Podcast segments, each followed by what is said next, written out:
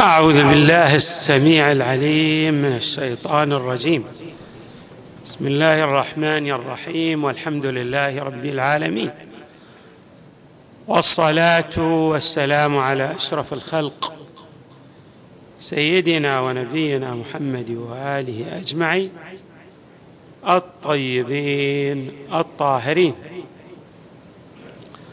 قال الله تعالى في القرآن الكريم اعلموا أنما الحياة الدنيا لعب ولهو وزينة وتفاخر وتفاخر بينكم وتكاثر في الأموال والأولاد. كمثل غيث أعجب الكفار نباته ثم يهيج فتراه مصفرا ثم يكون حطاما. وفي الآخرة عذاب شديد ومغفرة. ومغفرة من الله ورضوان. وما الحياة الدنيا إلا متاع الغرور. صدق الله العلي العظيم. الله تبارك وتعالى يبين لنا حقيقة الحياة الدنيا في عدة من آي القرآن الكريم. ويلفت نظر الإنسان إلى أن الحياة الدنيا هي مجرد طريق يسلكه الإنسان ليصل عبره إلى الحياة الحقيقية التي هي الحياة الخالدة. الحياة التي لا يعتريها فناء. ولا يعتريها. نصب ولا تعب وإنما هي لذة خالصة. كل لذة في هذه الحياة الدنيا مشوبة بكدر. أي لا توجد في الحياة الدنيا لذة خالصة. اللذات الخالصة المحضة موجودة في عالم الآخرة. ولهذا جاء في الحديث القدسي ما مضمونه وجعلت الراحة في الآخرة. والناس يطلبونها في الدنيا فأنا يجدوها. أي لا يستطيع الإنسان أن يحصل على الراحة المبتغى له في هذه الحياة الدنيا لكونها ملأة بالامتحانات والاختبارات التي تمر على الإنسان ليصل من خلالها إلى كماله. غير بعض غير أن بعض الناس يتوهم غلطا.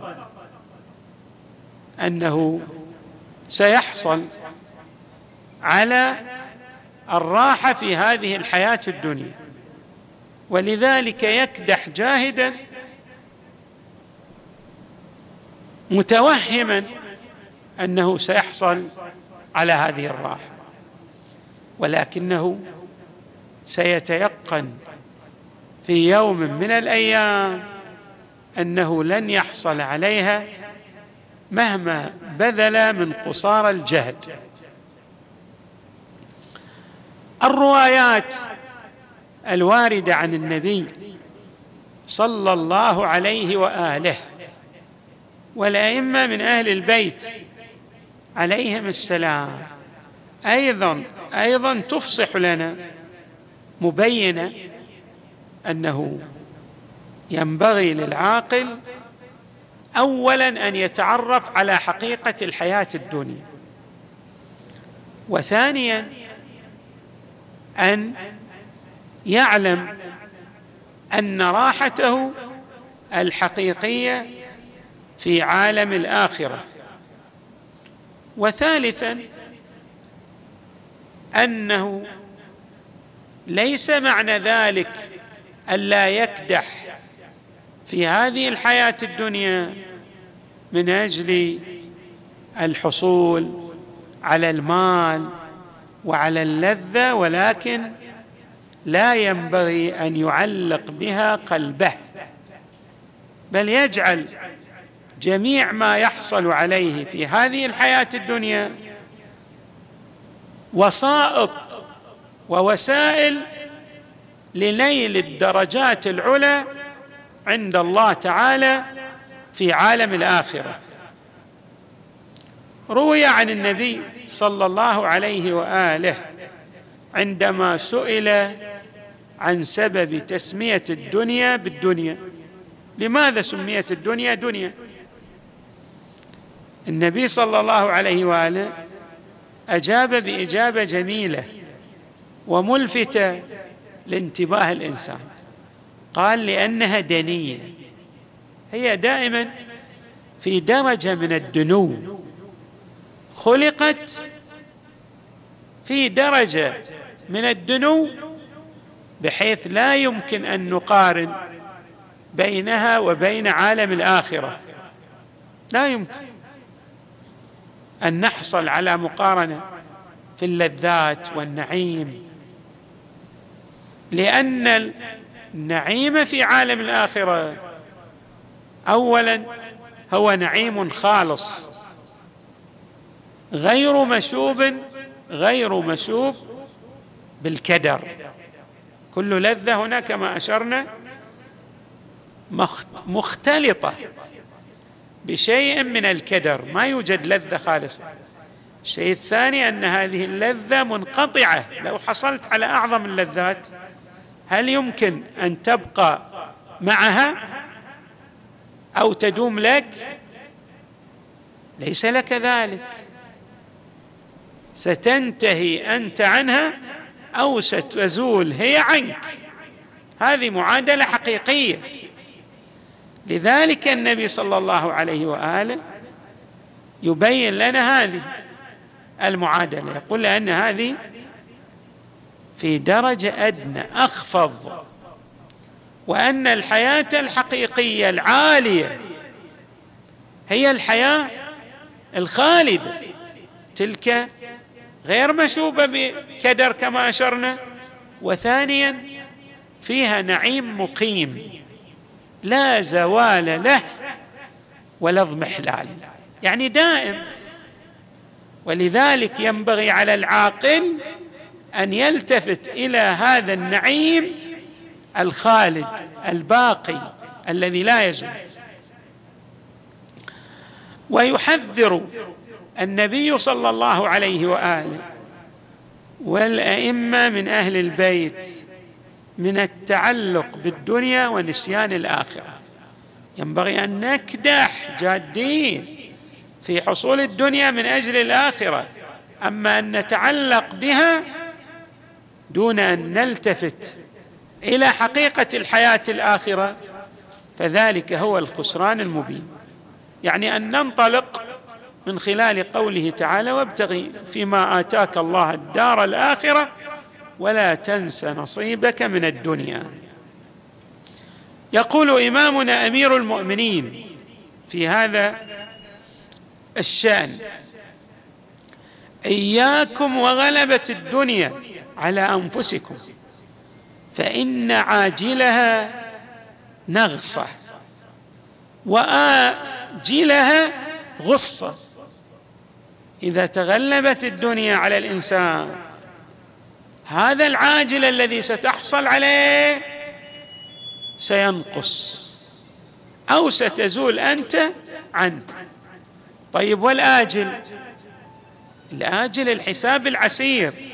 إذا لم تتصرف على وفق ما يريده الحق تبارك وتعالى منك. ولذلك تأكيد من لدن علي عليه السلام إياكم يعني أحذركم وغلبه الدنيا على أنفسكم فإن عاجلها نغصة وآجلها غصة.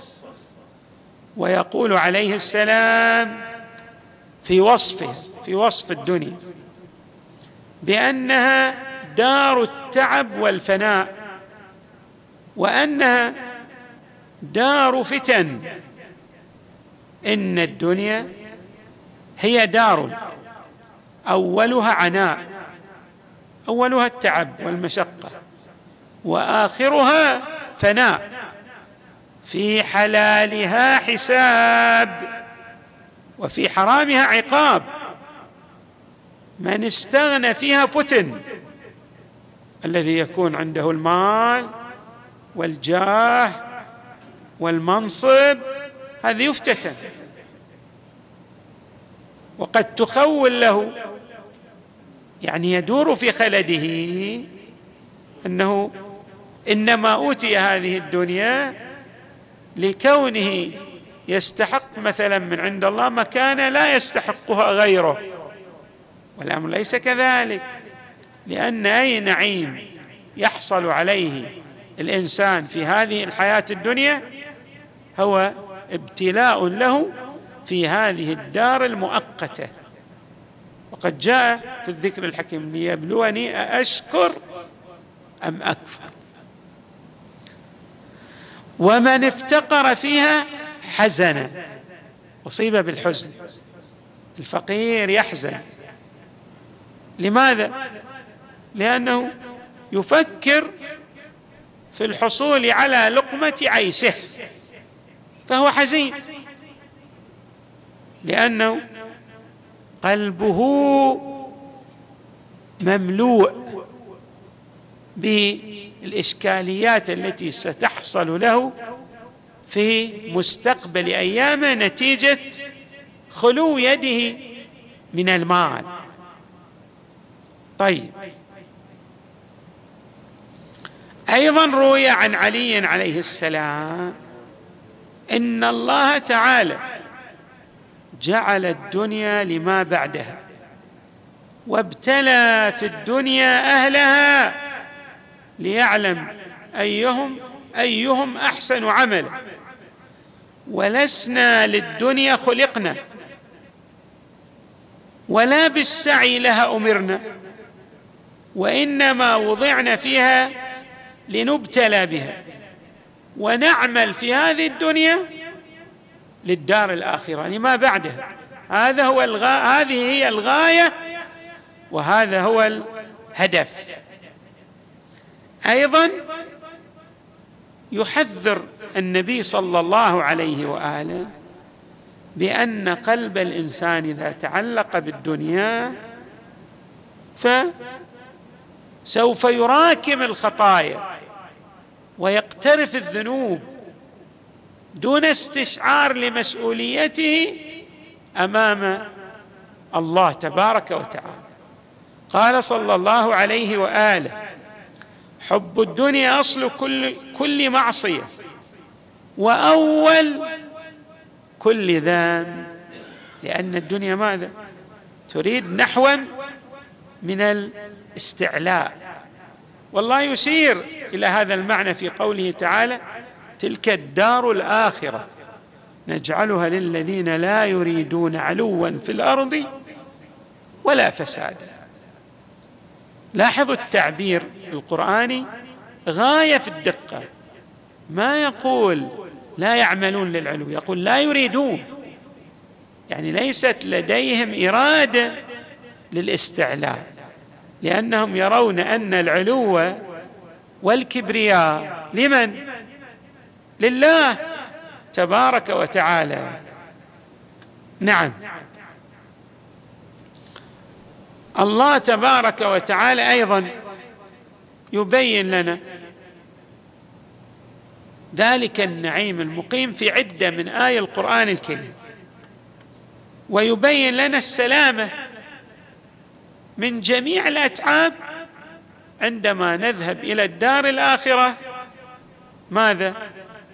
ونحن قد نجحنا في هذا الامتحان الذي مررنا به في حياتنا الدنيا. قال تعالى إن المتقين في جنات وعيون ادخلوها بسلام آمنين. ونزعنا ما في صدورهم من غل إخوانا على سرر متقابلين. لا يمسهم فيها لا يمسهم فيها نصب وما هم عنها بمخرجين. ما في تعب ولا نصب. وأيضا ليست لها نهاية دائمة الاستمرار. نعم. أما الروايات التي تشرح ذلك الرغد وتلك الرفاهية في الدار الآخرة فحدث ولا حرج. رواية. مروية عن إمامنا الصادق عن آبائه عن جده رسول الله صلى الله عليه وآله.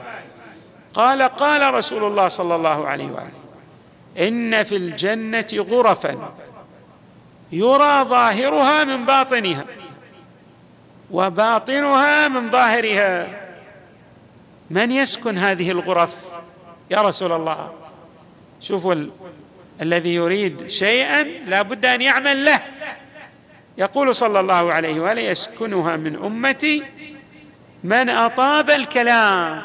كلام كلمات التي تصدر من كلمات طيبة على وفق ما يريده الله. ومثل كلمة طيبة كشجرة طيبة.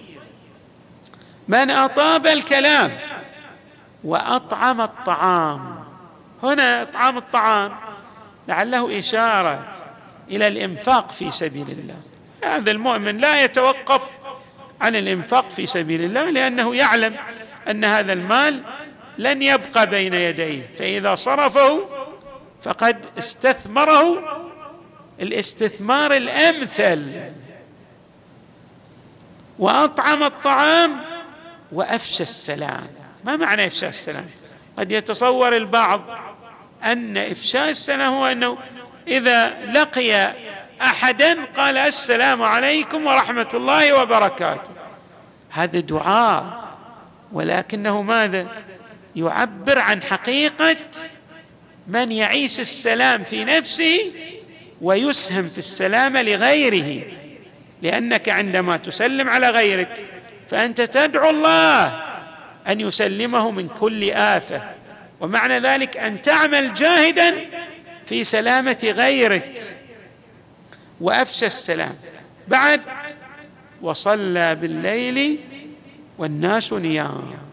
يقوم بين يدي الله ويذكر فقره وفاقته وعوزه واحتياجه إلى الله سائلا من الله تبارك وتعالى أن يغفر له ذنوبه وأن يتجاوز عن سيئاته وخطاياه.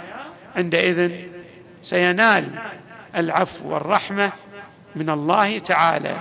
نسأل الله تعالى أن يعلق قلوبنا به وأن يجعلنا من أوليائه وأن يختم لنا بالحسنى مع محمد وآله البررة الميامين.